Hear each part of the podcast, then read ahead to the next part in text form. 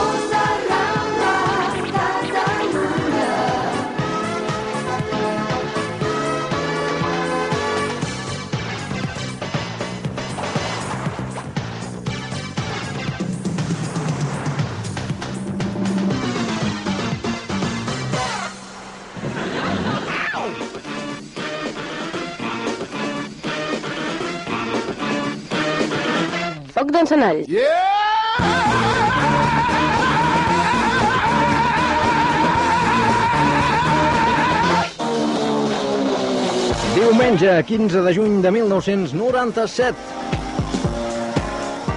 Bona tarda i benvinguts al Foc d'Encenalls. Foc d'Encenalls, una atmosfera viciada d'aires d'humor i barrila al voltant de les zones arsianes. Tot i que la història sempre és tractada des del punt de vista de les persones humanes, nosaltres hem cregut oportú, en vista dels esdeveniments transcorreguts aquesta setmana, parlar d'una de les faules que més van impactar en els primers anys de la democràcia. I és que un dia un bon senyor amb cognom d'espieta sexual va decidir usar un insecticida per treure's de sobre un, in un insecte, un xic molest, concretament una abella, i no precisament l'abella maia.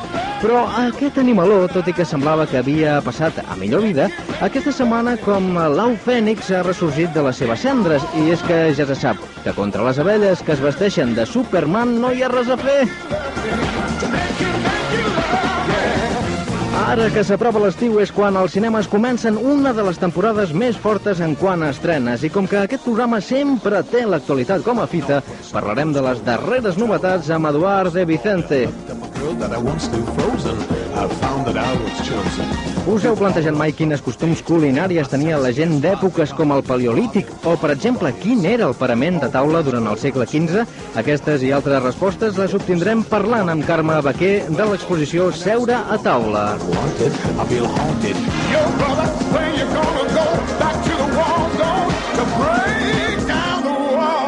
Avui en dia, qui més qui menys busca trobar una feina fixa i una altra de les més buscades és la de funcionari. És en aquest sentit que Julius Smart, un funcionari de l'administració nord-americana, analitzarà una carta al director. Make you, make you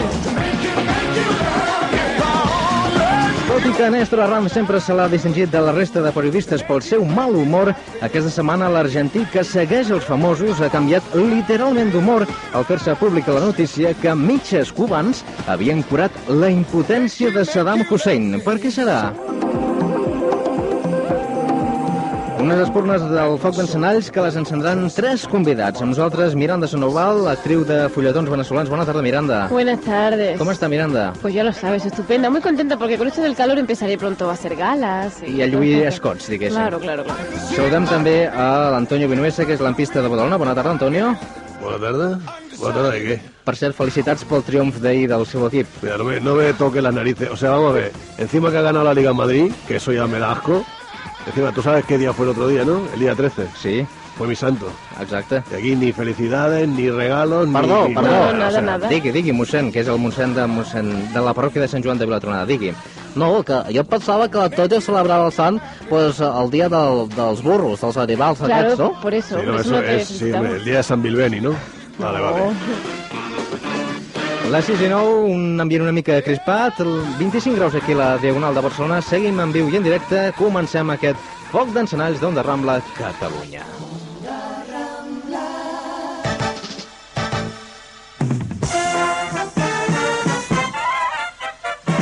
Ara feia uns bons dies que volíem tornar a sentir a parlar de cinema i ho fem, com sempre, amb l'Eduardo Vicente, que és un crac d'aquesta emissora Catacrac. en quant a, a filmografia.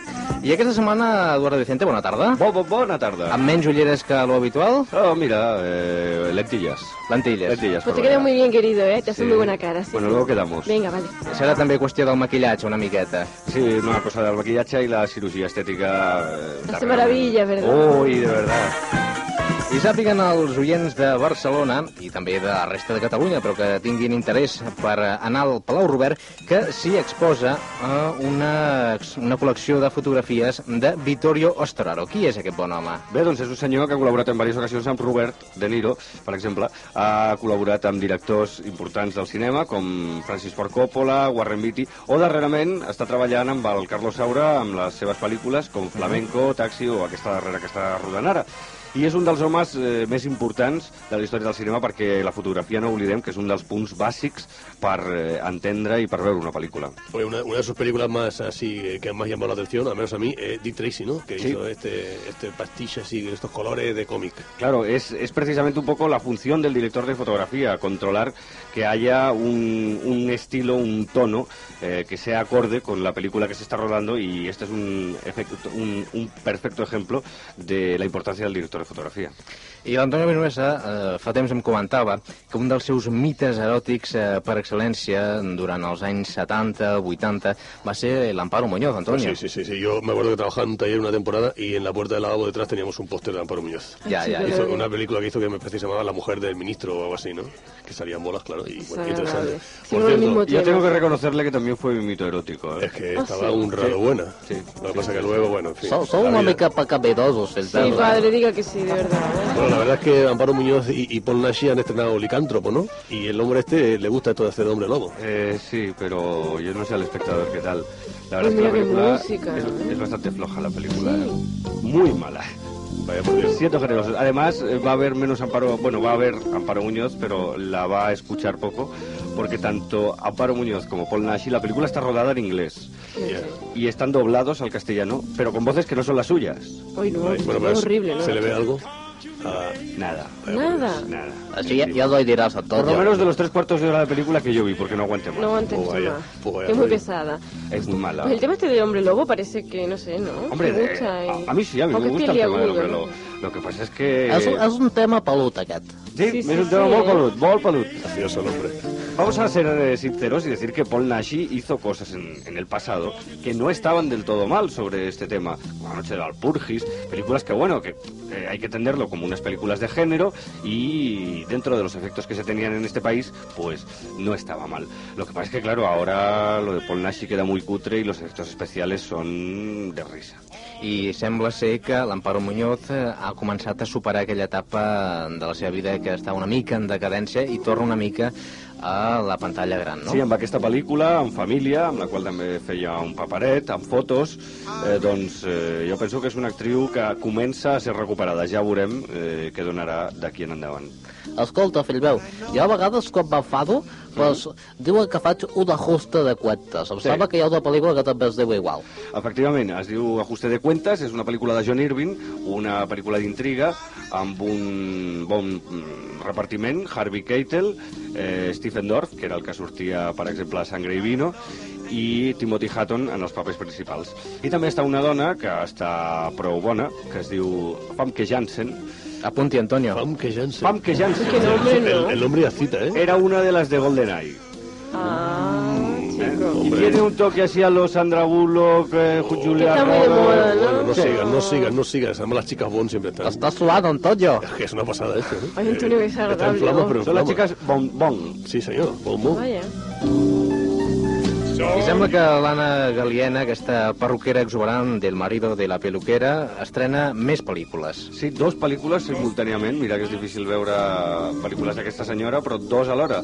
D'una banda tenim Cuestión de Suerte, que és una pel·lícula espanyola, fluixeta, eh, un thriller d'intriga dirigit per Rafael Moleón, i d'altra banda tenim Un hombre de hoy, una pel·lícula pel lluïment, bàsicament, de eh, John Bon Jovi, el cantant que a ella sí que li agradarà molt. A no? mí sí, pero me gustaba más, estar más peludo, ¿eh? Sí. Cuando tenía aquellos pelos largos estaba más, más sexy. Sí, veritat. També és veritat. a mí me gustaba más. Y que no está, no está gens malament aquesta pel·lícula que es diu Un hombre de hoy. Y además la galiena esta no tiene ningún Ay, reparo yo, en nada, sí, ¿no? lo he de reconocer que me- es muy No, atractiva. pero ¿eh? ninguna de las dos aquí tampoco enseña nada, ¿eh? ¿Qué me dices? Está de mala suerte. Pero ¿eh? Está la cosa floja, macho, el Antonio. cine de hoy no es lo que era, ¿eh? No... Antonio, com és que estàs tatxat tot de pel·lícules? No, es que ya no me interesa el tema este, ¿no? O sea, me Ya no me interesa, ¿eh? La, la que una- enseña es una chica que sale en esta película, la de Bon Jovi, que guapa, guapa, ¿eh? Sí, una que- tal Tandy Newton. Bueno, ¿quieren dejar de hablar ya de temas Tandy Newton. sexuales? Sí, Siempre con el mismo tema. Que lo de las manzanas de Newton, las manzanitas se enseña y tal, ¿no?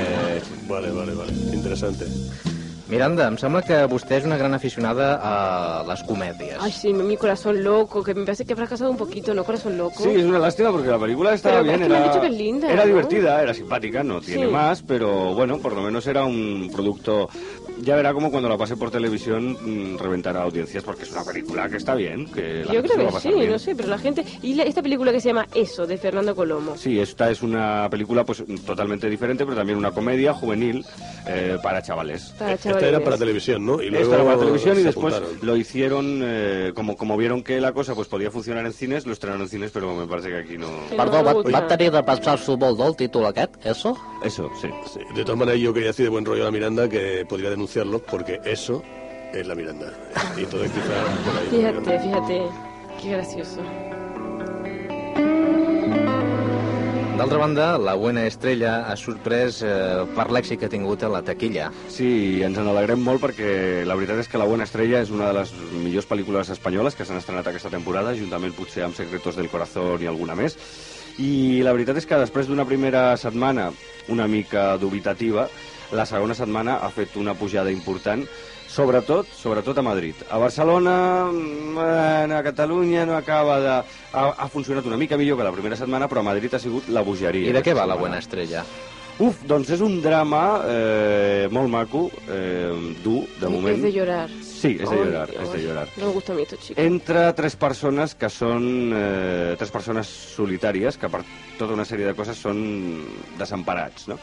I que un és un home que treballa de carnisser i que és impotent, el segon és una noia que li falta un ull i que eh, està visquent amb un xoriço, un autèntic macarra, que li està donant cops tot el dia, i ella està embarassada. I la tercera persona és precisament aquest xoriço, que en el fons no és tan dolent com sembla al començament. No Bueno, sé si se si sent... pega, si pega, no sé. la... Se no sent sé. identificat, Antonio, amb això? No, para nada, para nada. O sea, para nada porque no me falta un ojo ni, ni soy chorizo ni nada. Pero bueno, es igual. No sé por qué lo dices, pero luego me lo dices. Pero puede que te falte un ojo algún En día la- de estos, en como la me calle. sigues I lo del insultando, principio ¿eh? tampoco. Lo del carnicero. Lo de... Lo de no, impotente, de- ah, querido. no. Per això li deia. no problemas. Esas Eso me lo vais a decir en la calle. No sé, Miranda en todo caso nos podría contar algo. Yo mejor que no diga nada. I sembla ser que un dels eh, superherois per excel·lència, que és el Batman, torna novament a les pantalles. Sí, no, jo ja estic del, del Batman fins al monyo. És una nissaga una mica ja pesada, no? Sí, és, és, és la nissaga de Batman Poder. Ja. Sí, sí. A mí lo que me da rabia es que en estas películas, cuando sale el Robin, sale, sale así como si fuera un poquito modosito, ¿sabes? Como si estuviera enamorado del Batman. y Es tal. que es Chris. O'Donnell, es que es Chris O'Donnell, y. Chris Claro. O'Donnell, aunque le pongan máscara, siempre Pero blandito. a mí me gusta porque tiene mucho músculo, oye. Sí. Hay mucho, mucha fuerza aquesta, eso aquesta está bien. vegada surt aquell home que sembla un armari que, té, que es diu el. Sí, Arnold Schwarzenegger. Schwarzenegger, no, padre. Como de costumbre, eh, la saga de Batman tiene grandes actores. Arnold Schwarzenegger está también Uma Thurman haciendo el papel de Ah, Poison. Ivy. Eso es otro, Sí. eso es otro mito sexual para mí. ¿eh? Has Eh, dicho Uma Es que para Thurman, ti ¿no? cualquier cosa es un sexual, Además, querido. además, eh, eh, es que tiene un nombre, o sea, Uma Thurman, ya, eso es cita ya solo decir, ¿no? Ay, qué pesado, eh. Digo yo, no sé. Está también Alicia Silverstone, que es una de las niñas más prometedoras del panorama cinematográfico. En Estados Unidos tiene un gran éxito y aparte hay apariciones especiales de otras dos señoras que a usted seguro que le gustan mucho, Venga, que son el Macpherson y Vandela, no sé qué, que son dos top models. No sé si trigarem molt a veure aquesta... El 20 i tants de juny, la darrera setmana de juny. Por cierto, que el Schwarzenegger este va a Zaragoza Sí. y no viene aquí, el tío. Ah, mira, Qué capullo. es saber lo que hace. Y ahora en Zaragoza. Que venga aquí, que, se, que del la cara. A bailar juntas. Pues bueno. El quinto elemento és una pel·lícula que doncs, ha estat molt discutida per la crítica i molt ben acceptada, d'altra banda, pel públic.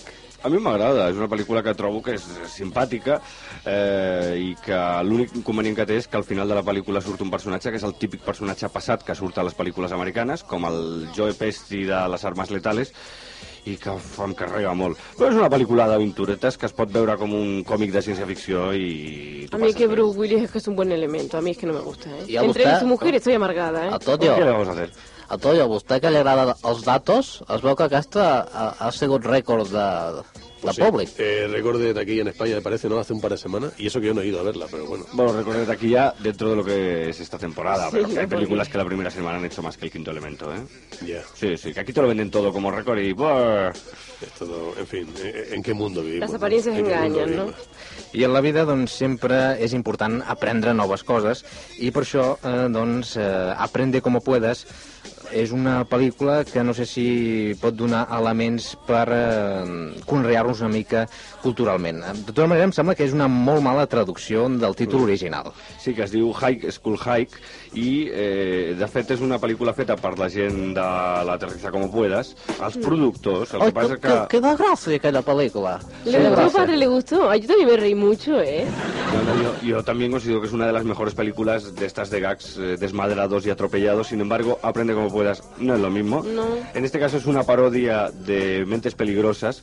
Y yo pensaba que podrían haber metido también pues un poquillo de, palor- de parodia del Club de los Poetas Muertos o alguna referencia así, ¿no? Y nada. Y nada. Nomás hay una escena a los rebeldes sin causa. Pero la película tiene... Los cinco primeros minutos yo me reí mucho. Pero una vez que ya intentan ponerle una historia, olvidarse de que hay gags e ir salpicándolos Sí, y sí. montar una historia, se les va a... La cagan. A, a mí me, da- me da rabia eso que, que- que lo traduzcan aquí de esta manera tan mala, ¿no? No, Para- porque así le están diciendo a la gente que es de la saga de Aterriza como pueda. Bueno, pero debajo pone de los mismos creadores que... Ya, sea, pero no que- es igual. Esto juegan con esto los distribuidores. Claro. Es como las películas estas con el Loca. Cuando se puso, cuando triunfó Loca Academia de Policía, se, eh, empezaron a salir una se- una serie de películas Loca Juerga Tropical, Loca Academia de Conductores, Loca no sé qué, Loca no sé cuántos, pues lo mismo. O sea, pero me, acu- me acuerdo aquí de que los blancos no la saben meter y se referían a la pelota de, de básquet. Ya, pero es que la película se titulaba así. Pensaba, En, en pensaba. inglés se ¿Qué titulaba así. Ya, ya, pero... Pero si eso es mentira, además. Molt bé, doncs, de mica en Oye, mica... esa es tu tía, ¿no? En la que se reía Bilbeni. Per què ho diu això? No, bueno, son serían las tías. Era la mula, era la mula. Doncs com dèiem, de mica en mica amb l'Eduardo Vicente en aquesta secció que una vegada al mes ens ve a presentar, anem aprenent de mica en mica el que és el món del cinema i les noves estrenes que tenim per anar a veure a totes les sales cinematogràfiques. Moltes gràcies, Eduardo Vicente. Y fins que s'omplin la pica, bona tarda. Bona tarda i bona hora. gracias, chao.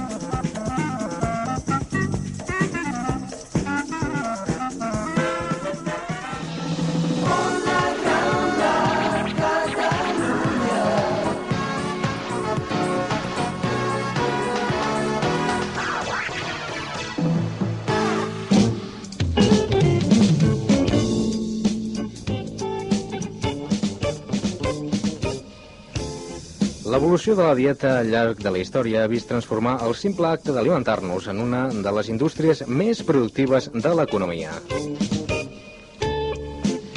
I és que a partir de l'evolució del món de la gastronomia, l'exposició Seure a taula, que acull el Museu d'Arqueologia de Barcelona, pretén mostrar els avenços socials i tècnics, així com l'enriquiment aconseguit amb l'intercanvi de cultures. I això hem convidat a la Carme Baquer, que és tècnica de difusió del Museu d'Arqueologia, on eh, doncs, se celebra aquesta exposició Seure a taula. Bona tarda, Bona tarda. com estem? Molt bé. Aquesta exposició eh, s'ha estructurat mitjançant un circuit de tipus antropològic i històric, oi? Exactament. Mm? Uh, partint de la base o de la idea de que l'alimentació no sols és un fet biològic, sinó que a més a més és un fet cultural, el que hem intentat amb aquesta exposició és demostrar que a través de l'alimentació, i no sols de l'alimentació, sinó també del seure a taula, tal com es titula l'exposició, eh, demostrar com és un reflex de com cada cultura es va adaptant als canvis de cada etapa històrica. No? Quins àmbits té aquesta exposició? Mira, eh, es parteix de nou àmbits. El primer àmbit, que es titula d'Inici al foc, que és la part del paleolític, hm? perquè l'exposició va del paleolític fins als nostres dies, o sigui, fa tot un recorregut històric. El segon àmbit, que es diu pans i olles, que és la part del neolític. La tercer àmbit, que és Mare Nostrum Taula Nostra, que és la part de les colonitzacions, l'arribada d'influència dels grecs i dels romans.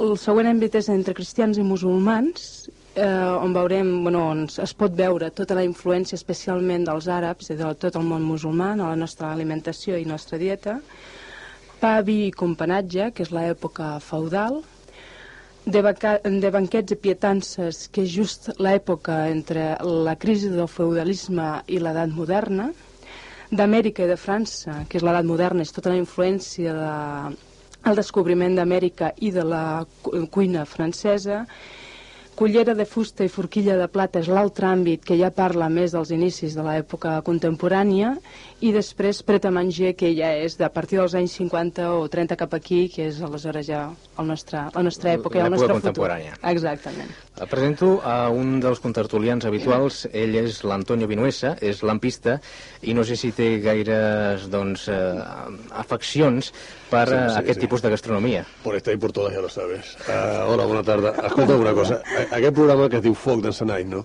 Uh, malgrat el seu director, que és un impresentable, pues, ha revolucionat el món de la radiofonia als diumenges, no? Llavors, eh, eh, m'has dit que al principi de la primera etapa d'aquesta exposició eh, es titula precisament de l'inici al foc.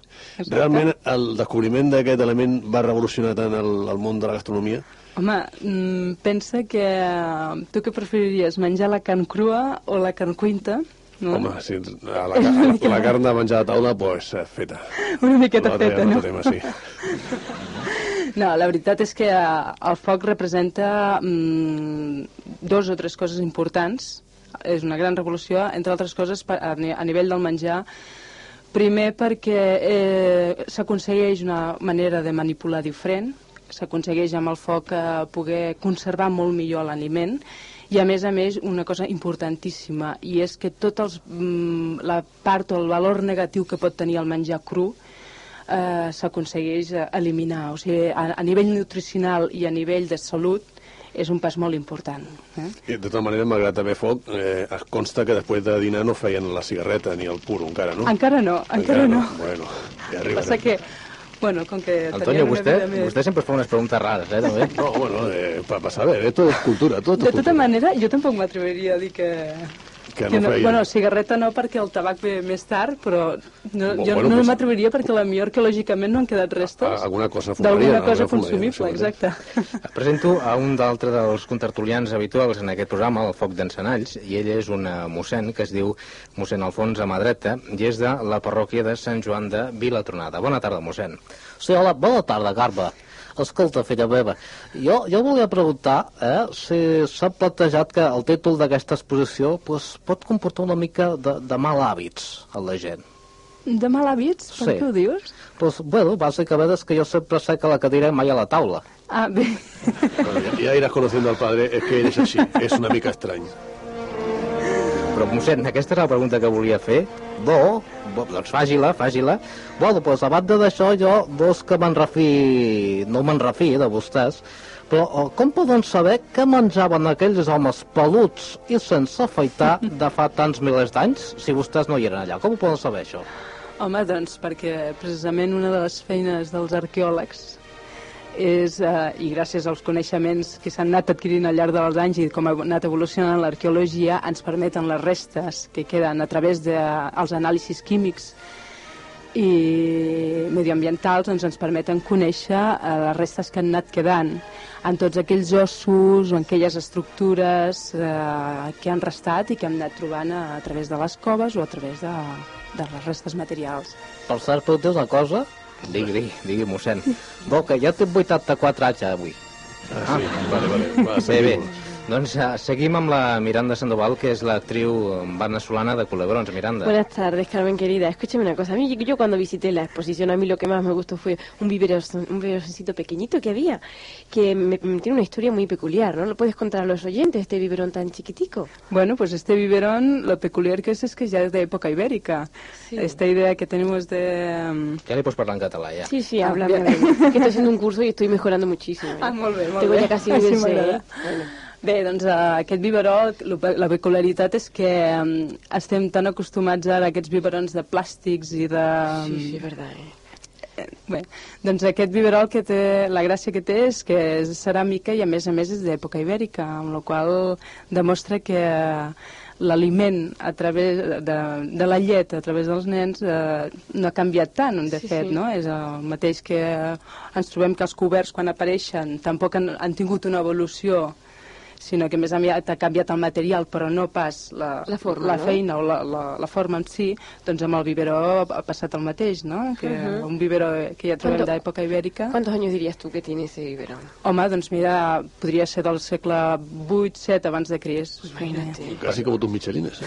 Bueno, bueno. Bueno, Antonio, dejemos el tema ya, I per ¿eh? cert, Antonio Vinuesa, vostè l'altre dia va estar molt atent en aquella conversa que vam tenir amb el doctor Julius Esmara, en el qual es parlava de l'alletament matern o bé artificial. Ah, sí, sí, ja sabeu que- Doncs ja ho veu que ve de Sí, sí, lluny, eh, també, no. la, la, la polèmica. Exacte. Sí, lástima, ¿eh? porque el materno pues es más importante, pero bueno, Ya, ya, ya. eso lo vemos.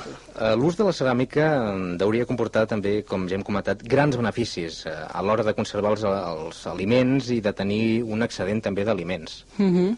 Bé, efectivament, eh, justament en el segon àmbit, que és la pans i olles, que és el que no anomenem, que va dels 7.000 a 700 abans de Crist, l'època del Neolític, el Neolític representa un altre gran pas en l'evolució històrica perquè representa la domesticació. Ja, primer havíem tingut una domesticació del foc i ara tenim una domesticació de la ramaderia i de l'agricultura que permet, eh, entre altres coses, també eh, un nivell eh, que ens permet aconseguir eh, la creació de la ceràmica, que el que permet és emmagatzemar la producció i, per tant, també ja comença a canviar els àmbits de l'alimentació. Eh? Ja podem recollir i podem guardar els aliments, amb la qual vol dir que no, no necessitem dependre tant com es depenia en el paleolític de les condicions climàtiques o eh, del dia a dia de poder anar a caçar amb l'aliment. Per tant, ja podríem dir aquella famosa frase que es diuen sempre en els amics, a casa mai et faltarà un plat. Eh, bueno, sí, efectivament. Las, pri- las primeras fiambreras, ¿no? Por decirlo de alguna Exacto. manera, ¿verdad? Bé. Escolta, una mica més cap aquí. Anem, anem als romans, que és una gent que vinca molt simpàtica. Mira, són una gent Sí? que... Sí, no sé, no sé per què, però... Como siempre estaban tumbados, ¿no? Pues serà por eso. identifica. Sí, pues, això, això ho volia preguntar, perquè ells eh, veu que feien tres àpats, no? Però eren una mica ganduls. o, o almenys això són veure, les classes benestants. Que, exacte, la classe, perquè els esclaus diguem que els hi tocava aquells- treballar més, no? Bé, feien de 3 a 4 àpats, però per ells l'àpat més important era la cena, que és la, el sopar. I el sopar, eh, precisament, és l'exemple més, eh, que tenim més, mm, Més demostratiu o il·lustratiu de la, per què l'interrogant a l'exposició seure a taula, perquè en realitat ells no seien a taula, ells el que feien era reclinar-se en els triclíniums, que era el nom que donaven en els menjadors, que en realitat és un sofà on es reclinaven, on hi cabien unes tres persones, i, bueno, i, recolza, i reclinar el que feien era menjar. Como, como los psicólogos ahora, ¿no? Ah, exactament, més o menys. Està bé perquè, com eren una mica viciosos i no hi havia tele, doncs quan acabaven de sopar pues ja estaven, com a mínim ja estirant, no? ja podien anar. Per cert, que el, el, el vi era un element indispensable, no? Indispensable. El vi, eh, bueno, eh, una de les influències importants dels grecs i dels cartaginesos és l'entrada de, del, del vi, bueno, del vi, de la vinya i de, de l'olivo, bueno, del, De l'oliver. de l'oliver, perdoneu. Olivera, que a estar de moda per altres temes. Però... Això és que no havien descobert la cervesa, també, eh? perquè Exacte. jo reivindico el- l'ús de la cervesa. El pa i el vi són dos elements que es repetiran al llarg de tota, de tota la història. Seran elements indispensables a la taula. Els romans, precisament, ha comentat l'Antonio Benuesa que mm, menjaven ajaguts, Sí. però eh, els romans rics, en aquest cas. Exacte. Els pobres seien. Seien. Si tenien cadires. Eh, I ara m'ho he dit, eh? no, que el director no escolta. Eh? No és tant la, la idea de la taula parada com tenim nosaltres, que nosaltres hem heretat potser del segle XVIII, però sí que seien més en cadires o, bueno, els esclaus no sé si més aviat seien on podien. A, la, a les galeres, no, estaven allà. Escolta, escolta una cosa, filla meva. Un fet que em va semblar pues, bastant significatiu és aquest que reflexa que les religions pues, tenen diversos preceptes referents a l'alimentació. Sí, Oi que sí? Sí, sí, sí. Per exemple, d'aquesta exposició veiem tres religions. Exactament. Tenim tres, tres religions. Eh, en, en realitat, en l'àmbit es diu entre cristians i musulmans. La diferència entre els cristians i els musulmans és que en aquell moment la influència musulmana és molt important, especialment entre el segle VIII-IX, i els musulmans introdueixen una riquesa importantíssima a la nostra dieta. Mira, des de mm, aliments com l'arcarxofa, els espinacs, l'espàrrec, l'esvergínia, els dàtils, tot això són la taronja, l'arròs, són elements importats dels musulmans que són gent molt més, com ho diria, eh, refinada que en aquell moment eren eh, els pagesos del nord d'Europa, per dir-ho d'alguna manera. No? Hi ha el contrast entre els pagesos eh, i el, els, la influència dels musulmans. De tota manera, en aquest àmbit no volíem descuidar una tercera religió molt important, una tercera cultura molt important, que és la jueva. Mm. Aleshores, cada una, eh, bueno, en l'exposició es, de, es mostra a través dels seus tres eh, eh, mm, llibres bíblics, es demostra les diferents maneres que tenen d'entendre la prohibició de, dels menjars o de, de certes les begudes. dietes o de les begudes. A veure, les begudes, mira, els musulmans no és que tinguin en el Coran totalment prohibit el vi, però sí que adquireix mm, l'hàbit de no beure'l. No és que digui està prohibit el vi, però igual que en la Bíblia no es diu està prohibit el gos, però es recomana no menjar el gos. Entonces yo ahora ya sé por qué los hace musulmán usted. Claro. Sí, no, y porque Se podía ma- esperar. Porque mantener muchas mujeres pues también tiene que ser duro, bastante Sí, duro. és una miqueta Jo dura, eh? ara. és el Escolta, pitjor. jo volia dir una altra cosa important, i és que els cristians, eh, perquè vegi que m'he documentat, eh, doncs els cristians van convertir en elements eucarístics el pa i el vi, a diferència dels jueus i els musulmans, perquè precisament els jueus deien que el pa doncs, era un, un element doncs, eh, corrupte, perquè fermentava, i el vi perquè doncs, emborratxava una miqueta. Oi? Sí, exactament. Aquesta és... Carai, mossèn, sí que s'ha documentat, eh? La veritat és que ells tenien uns costums a l'hora de, de menjar bastant rígids. Eh, ells mai seien amb la idea d'una cadira i una taula com nosaltres, ells seien a terra amb una taula molt baixeta, sempre menjaven amb la mà dreta i a més a més doncs, sempre s'havien de rentar abans i després de menjar, cosa que nosaltres no, No, fèiem en no aquella època. Bueno, però de saber què feien després de dinar. Bueno, Bé. bueno. No, el que es nota es que no van pasar els Pirineus y a França pues tienen la fama que tienen. Porque els moros no van a bien. Aquellos que nos gusta conocer las comidas típicas de todas las culturas, en esta ocasión, en esta posición, pues tenemos la posibilidad de ver mm, otras épocas y otras culturas con su gastronomía gracias a recetas que tenéis allí puestas con unos sobrecitos, ¿no? Sí, efectivament. eh, en la- Al llarg de tota l'exposició i en cada àmbit, la gent es pot emportar una recepta eh, que d'alguna manera és fidel a les receptaris que nosaltres han trobat antics, mm, on ens expliquen com es feien els, els menús, on es feien el- els aliments. De fet, eh, el primer receptari en català que trobem és el Sanseví i aquest apareix cap al segle XV. I després tenim el llibre de Coc, que encara s'edita ara i el podem trobar. Però encara així tenim referències anteriors de com podien ser el menjar en aquell moment i aleshores en aquest receptari bueno, la gent el pot fer a casa seva perquè ens interessava que la gent... habéis probado está ens bueno, interessava... Sí, sí, sí, sí, sí, ens interessava que la gent ho provés, no? Que també... Yo también lo probaré, sí. Evidentment, els costums eh, gastronòmics sempre han anat acompanyats de certes normes d'urbanitat. N'hem parlat alguna, eh, però eh, potser Francesc Ximenis és un dels autors que se'n fa més ressò d'aquest aspecte, no? Uh En, el, en aquesta exposició, en aquest eh, seure a taula, podem trobar també aquestes normes d'urbanitat? Home, i tant. A veure, mm, normes... Mira, de normes n'hi ha... Mm, en tots els àmbits hi trobareu normes, encara que potser algunes eh, són més eh, a la vista que altres. Però, per exemple, una cosa molt curiosa. Eh, en l'àmbit de, ban de banquets i pitances, que és justament quan ja neix un amic, eh, que és en el segle XIV-XV, que és quan, quan neix la burgesia, encara l'ari- l'aristocràcia està um, Efervescent. Efervescent, exactament. Doncs una cosa, bueno, una cosa curiosa és que en el, els banquets que servien, eh, el criat que servia havia de servir amb el genoll, amb, amb, eh, amb un genoll a terra. Ay, Fíjate, qué Sí, difícil, ¿no? una Todo- cosa todo curiosa, no? y- Tot un banquet amb una quantitat de menjar i aleshores doncs el, ell servia amb un genoll a terra.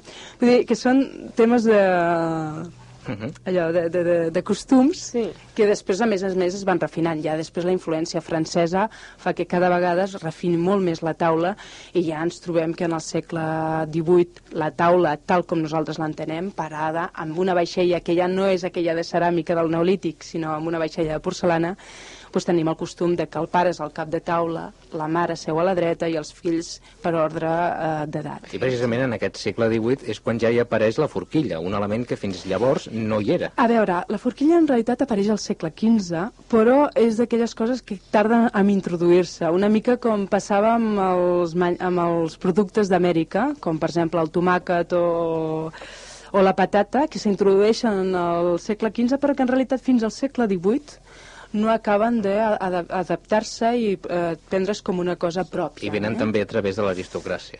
Exactament. Mm? Es curioso, ¿eh, Bilbeni? Tú no podías haber sido camarero, porque tú pones una rodilla en el suelo y no llegas a la mesa. Quina gràcia, quina gràcia. Qué gracioso Es- este chico. es- Escolta alguna cosa. És dolent, eh? Veia... No, no, realista, realista. Escolta, veient aquesta evolució de, dels menjars a través del temps i sabent que avui doncs, mengem eh, menjar preparat, ultracongelats, que tot és de plàstic, tu creus que acabarem menjant les pastilletes famoses amb gust a alguna cosa? Mira, en aquests segles, bueno, en aquests anys, no segle, dels anys 50 cap aquí, passen coses molt curioses. Molt curioses perquè mm, ja tot... Estem convivint amb diverses coses alhora. Estem convivint amb gent en què aprecia moltíssim encara la influència de la cuina francesa, estem convivint amb la cuina tradicional, encara no hem deixat el pa amb tomàquet i altres elements tradicionals de la nostra cuina. Estem convivint amb els fast food, estem convivint amb el self-service i a més a més estem convivint amb els restaurants multiècnics. Avui dia no anem, ja no diem anem al restaurant, diem en quin restaurant anem, el xinès, el mexicà... Aleshores, d'una banda, et podria dir que potser la gent podria comentar o pensar que la dieta nostra és molt insípida, en comparació potser d'altres èpoques, però que en canvi eh, estem com- convivint o visquent moltes, molts menjars de cultures diferents i per tant hi ha una diversitat cultural important. Acabarem amb la pastilla? No sé, perquè hi ha gent que encara és molt gourmet i a més a més el tema del menjar, i crec que per això estem aquí ara en aquest moment parlant, eh, interessa molt encara a la gent. I per tant... No, I si Yo me quedo con el arroz con habichuelas, eh, me Sí, encanta. la Bueno, pastilla. bueno, sí, sí. Escolta, jo volia dir, a veure si et permet fer una clarivet, i m'agradaria que la Carme Baquer ho corroborés. I és que a l'edat mitjana, eh, doncs no tots els representants de Déu pues, vivien com a, com a reis, sinó com un servidor una mica, com un monjo, pues, que predica el dejuni i l'abstinència, i que gràcies a això també estaven millor alimentats que, que els grans senyors que s'alimentaven com, com a bacots. Sí, efectivament. Mira, a l'època medieval hi ha tres grans diferències. Hi ha els pagesos, que els pobres tenen una dieta molt monòtona, perquè... Sempre mengen el mateix. Exactament, vull I dir, perquè casa, tots els no? seus excedents l'han de deixar al senyor noble. Tenim els monjos que tenen el seu hortet molts cops en el monestir. Ah, com jo. Sí. Exactament, i aleshores mengen molt els vegetals, perquè els vegetals és la purificació de l'aliment, i tenim els nobles que, en canvi, doncs, mengen eh, amb bastanta abundància i molt més divers. Potser sí que I podríem dir... I molta carn, exacte. També m'agradaria, ja que tenim el mossèn aquí, Sí, digues, digues, filla. M'agradaria dir que també gràcies als monestirs hem arribat a tenir la cuina, cuina entesa arquitectònicament, no com... Eh, doncs ells van influenciar molt la millora del foc. Ells van, per, eh, en els seus monestirs, van millorar molt totes les condicions de sortida de foc, d'il·luminació, de millores tecnològiques a l'hora de tenir el, el foc. Ho veieu, fills meus, que sense saber el foc d'encenall seria una cosa irrisòria? Bueno, dejémoslo, dejémoslo. Me gustaría, Carmen, querida, que nos contase si los sacrificios que hacían ciertos caballeros para entrar en una orden pues muy prestigiosa llegaba al extremo pues hasta de comer hasta hartarse, ¿no? Sí. Unas comilonas que se daban increíbles, ¿verdad? Sí, mira, hi ha, hi ha moments de la història en què es valora molt, molt la quantitat de menjar. Una quantitat elevada de menjar vol dir eh, pertany a una, cla a una classe social, un prestigi. Sí, eh? como los bodorrios estos que la gente viene a comer y viene a comer, una cosa así, ¿no? Uh, cosa que després anirà variant, eh? Després es valorarà més la qualitat i la varietat que no pas la Ajá. quantitat. Claro. Sí, Antonio, di- digues, digues, què volies dir? No, no, que jo sóc molt amic de les, de les estadístiques, de les coses així populars i de les frases fetes també. I llavors hi ha una, hi ha una d'així que diu més o menys eh, digue'm amb qui menges o què menges i et diré qui ets. Mm -hmm. A través d'aquesta posició això jo, queda crec, claríssim. jo crec que sí. Jo crec que eh, permet d'alguna manera aquesta frase arrodonir una mica el que volíem amb aquesta exposició. Qué, qué bonito colofón para Sí. Di- dime qué bebes y te diré también quién I eres. vostè, mossèn, què, què vol dir ara? No, jo només volia dir una frase, i és aquella famosa, no? pues molt adient d'aquesta exposició sobre la taula, no? a la tola de Verdat que doies, doies coptat. A Verdat doies a l'exposició? en aquel moment. Vamos a ver, ¿por qué bebe tanto vino, padre? Que hemos dicho que No sé, pero eso. sí que se sale usted de sus cabales. Bueno, oh, Dios mío. Doncs, eh, Carme Baquer, fins quan podrem veure aquesta exposició? Doncs fins al 29 de juny, al Museu d'Arqueologia de Catalunya, Passeig Santa Madrona, 29. Molt bé, doncs eh, hem parlat amb la Carme Baquer d'aquesta exposició Seure a Taula, que, com molt bé ha dit ella, es pot eh, veure en aquest Museu d'Arqueologia de Catalunya. Moltes gràcies i molta sort. Gràcies a vosaltres. chao. A veure. Thank you.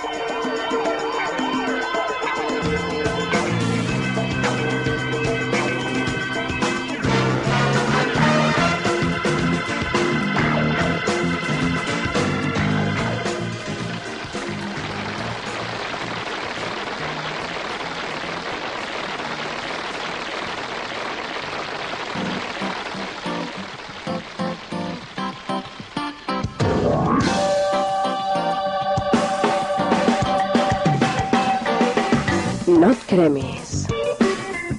Escolta, foc d'encenalls.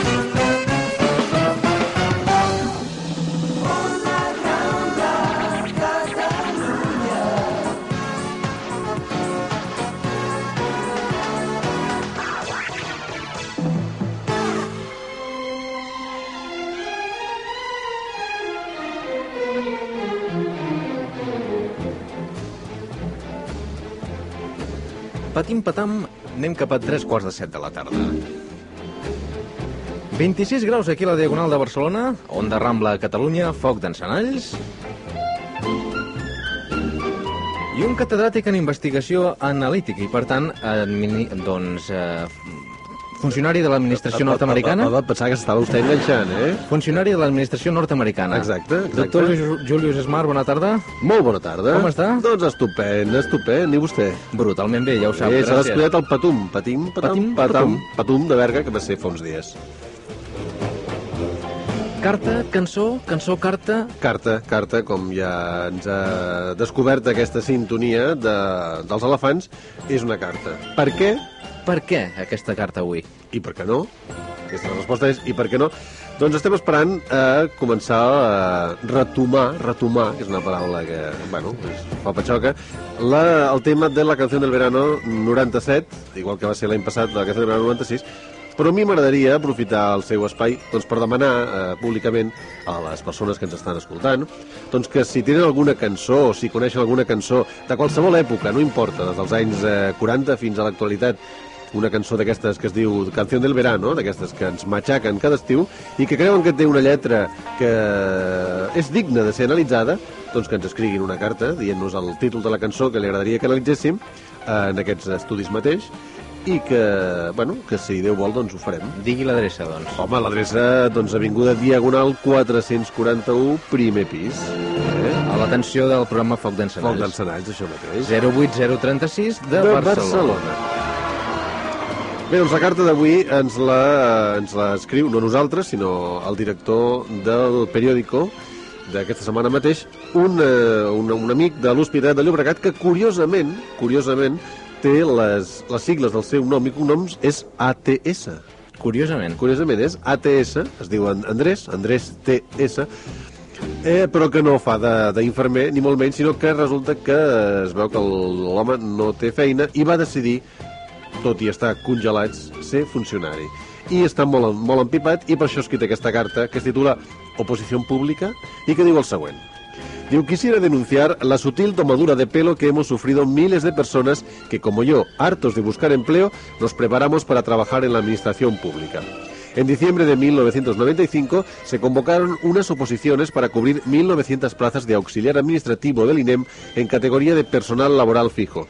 Dicha convocatoria constaba de una fase de oposición compuesta por dos exámenes y una fase de concurso donde se otorgaban puntos extras por poseer unos determinados cursos de informática y haber trabajado en el INEM. A la hora de la verdad, después de haber gastado 1.200 pesetas en la instancia, 10.000 pesetas en los libros y 14.000 pesetas mensuales durante seis meses en clases, tras haber esperado hasta mayo de 1997 para saber los resultados, llamando y visitando semanalmente la dirección provincial del INEM, después de haber obtenido una nota de 7 puntos sobre 10 en el primer examen y una de 8,81 puntos en el segundo, segunda mejor nota de España, después de que se me concedieran medio punto en concepto de cursos de informática y habérseme otro de manera incomprensible, mi nombre no aparece en las listas definitivas al no alcanzar los 9,775 puntos mínimos exigidos para obtener plaza.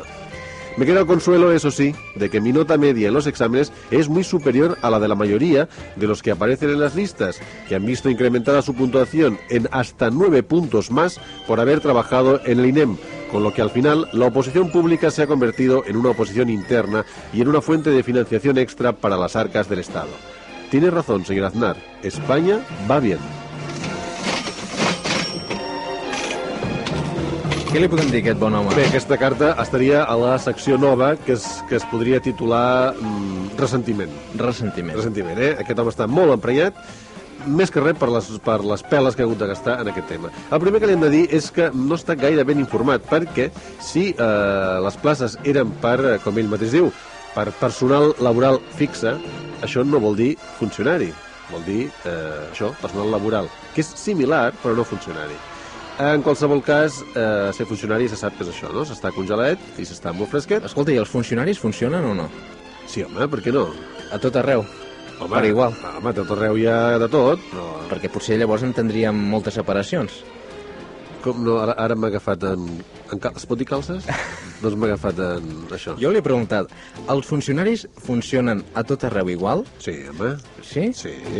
Per això li dic jo que potser aleshores ens podem explicar com és que hi ha tantes Ara, separacions. vostè, vostè, va pel, vostè va pel tema brut, pel tema sexual, que és el seu preferit, i jo no entraré en aquest joc. I, a més, jo li, he de, val, li asseguro que els funcionaris funcionen, per què no? De tota manera, a l'Andrés, eh, clar, sempre en aquestes cartes de ressentiment sempre hi ha un petit eh, toc de xuleria. Sí? Sempre, sempre. I en aquesta no, doncs, no és cap excepció. Per exemple... Potser és per les notes. Exacte, ens diu que la primera nota va treure un 7, no està mal, i llavors a la segona diu que va treure un 8,81. I ell mateix s'afegeix segunda mejor nota d'Espanya. Aquí ja es fa el xulo, vulguem dir, directament, eh? com vulguem dir, si sóc el, el segon millor d'Espanya, imagineu-vos, no? Uh -huh. Llavors, per acabar la xuleria, diu que no li importa els diners que s'ha gastat, que és un munt de diners realment, sinó que, li, que té, en té prou sabent que la, la mitjana de les seves notes doncs és, és molt superior a la dels que realment van entrar al, a aquesta feina de l'INEM eh, gràcies a uns punts per haver treballat en, en, aquesta, en aquest ministeri. Diguem, Conclusió, doctor. No? Conclusió, doncs que si vol estar així congelat, no es gasti les peles, es fiqui dintre del congelador de casa seva, s'estigui dos dies allà en un caixonet, que no faci res, llegeixi el diari, que és la que tothom es pensa que fan els funcionaris, i farà el mateix. Al cap i a la fi tampoc li pagaran gaire, per tant... Molt bé, doncs, doctor Julius Esmar, moltes gràcies per haver vingut i l'esperem la setmana que ve. Vindrà des de Pensilvània, potser? Vindré, encara que només sigui, per llegir les mil cartes que ens arribaran eh, dient-nos aquests títols de cançó de l'estiu. Molt bé, doncs fins la setmana que ve, doctor. Adéu-siau. Gràcies.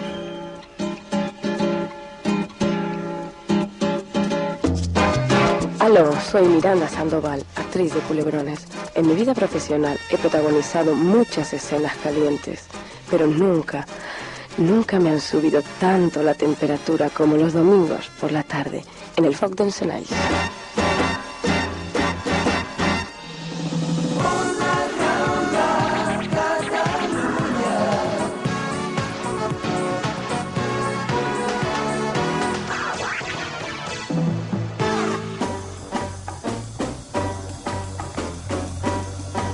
D'aquí 8 minuts seran les 7 en punt de la tarda.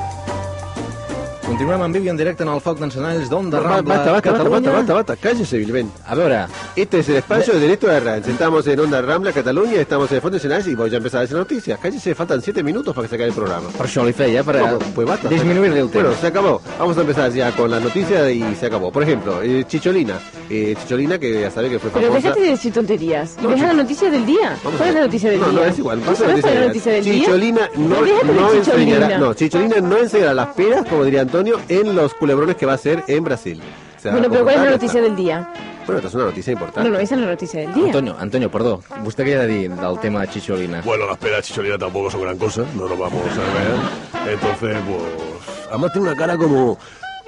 No, no sé si decirlo aquí, ¿eh? pero... Sem sembla un home una mica. No, es que se pinta mal. Parece tía, un ¿eh? travestido, ¿no? Sí, sí, Un no, no, es que, no, o sea, no me gusta Chicholina, ¿eh? Bueno, dejemos este tema y vayamos a la Un- noticia un, día podríamos hacer un foro aquí sobre las películas Chicholina, que son guarras, pero por un tubo. A veure, mossèn, què volia dir vostè?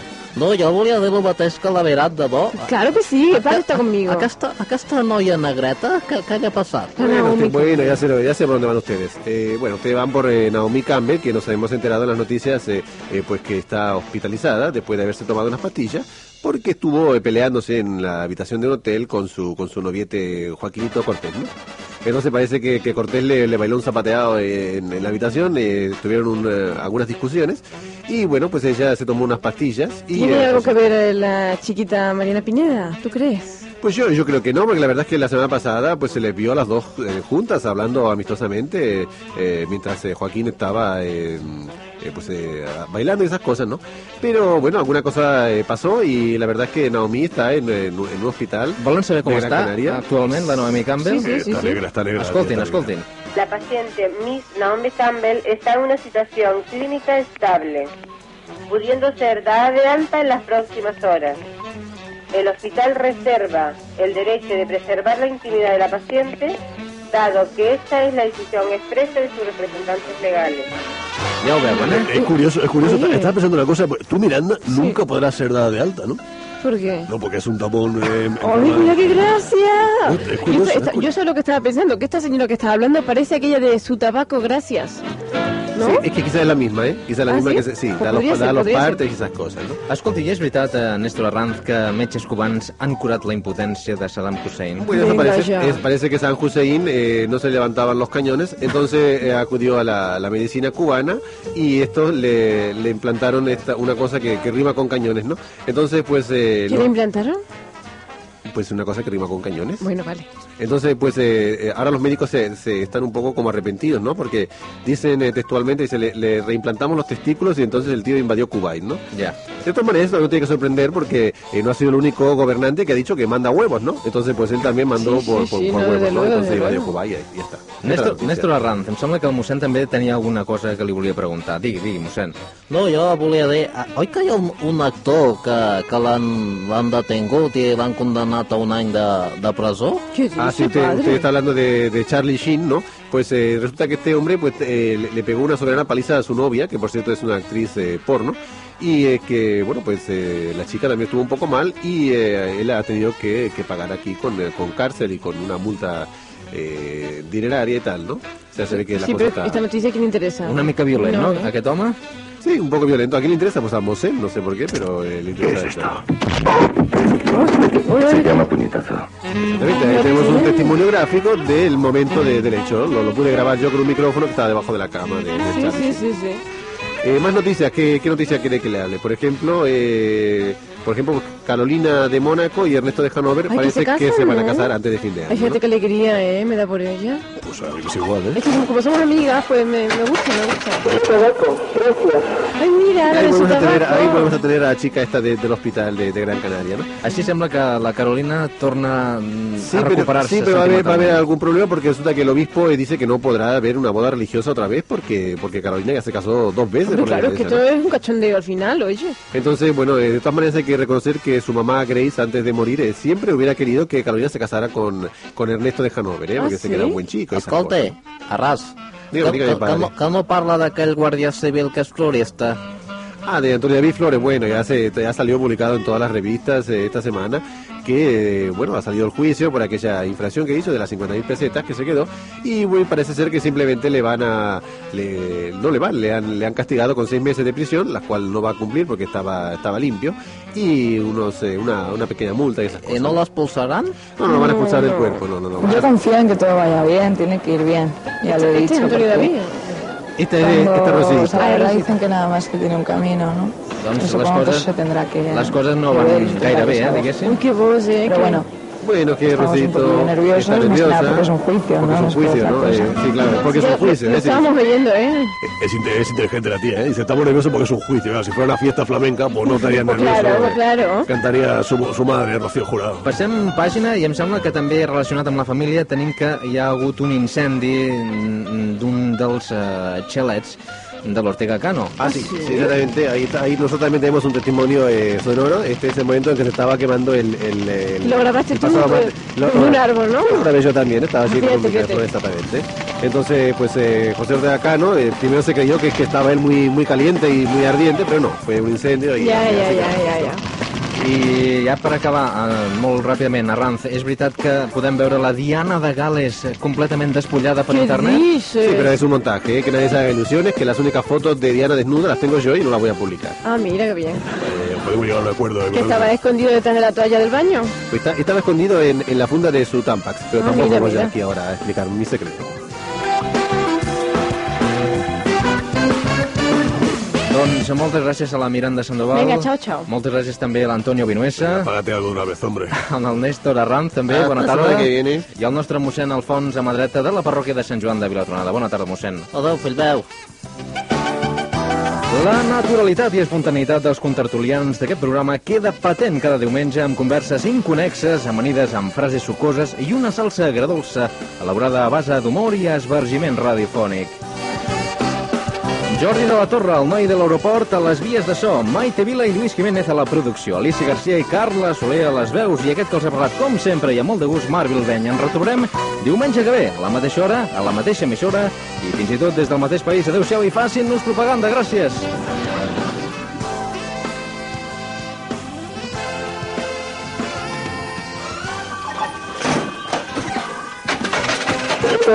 Gracias.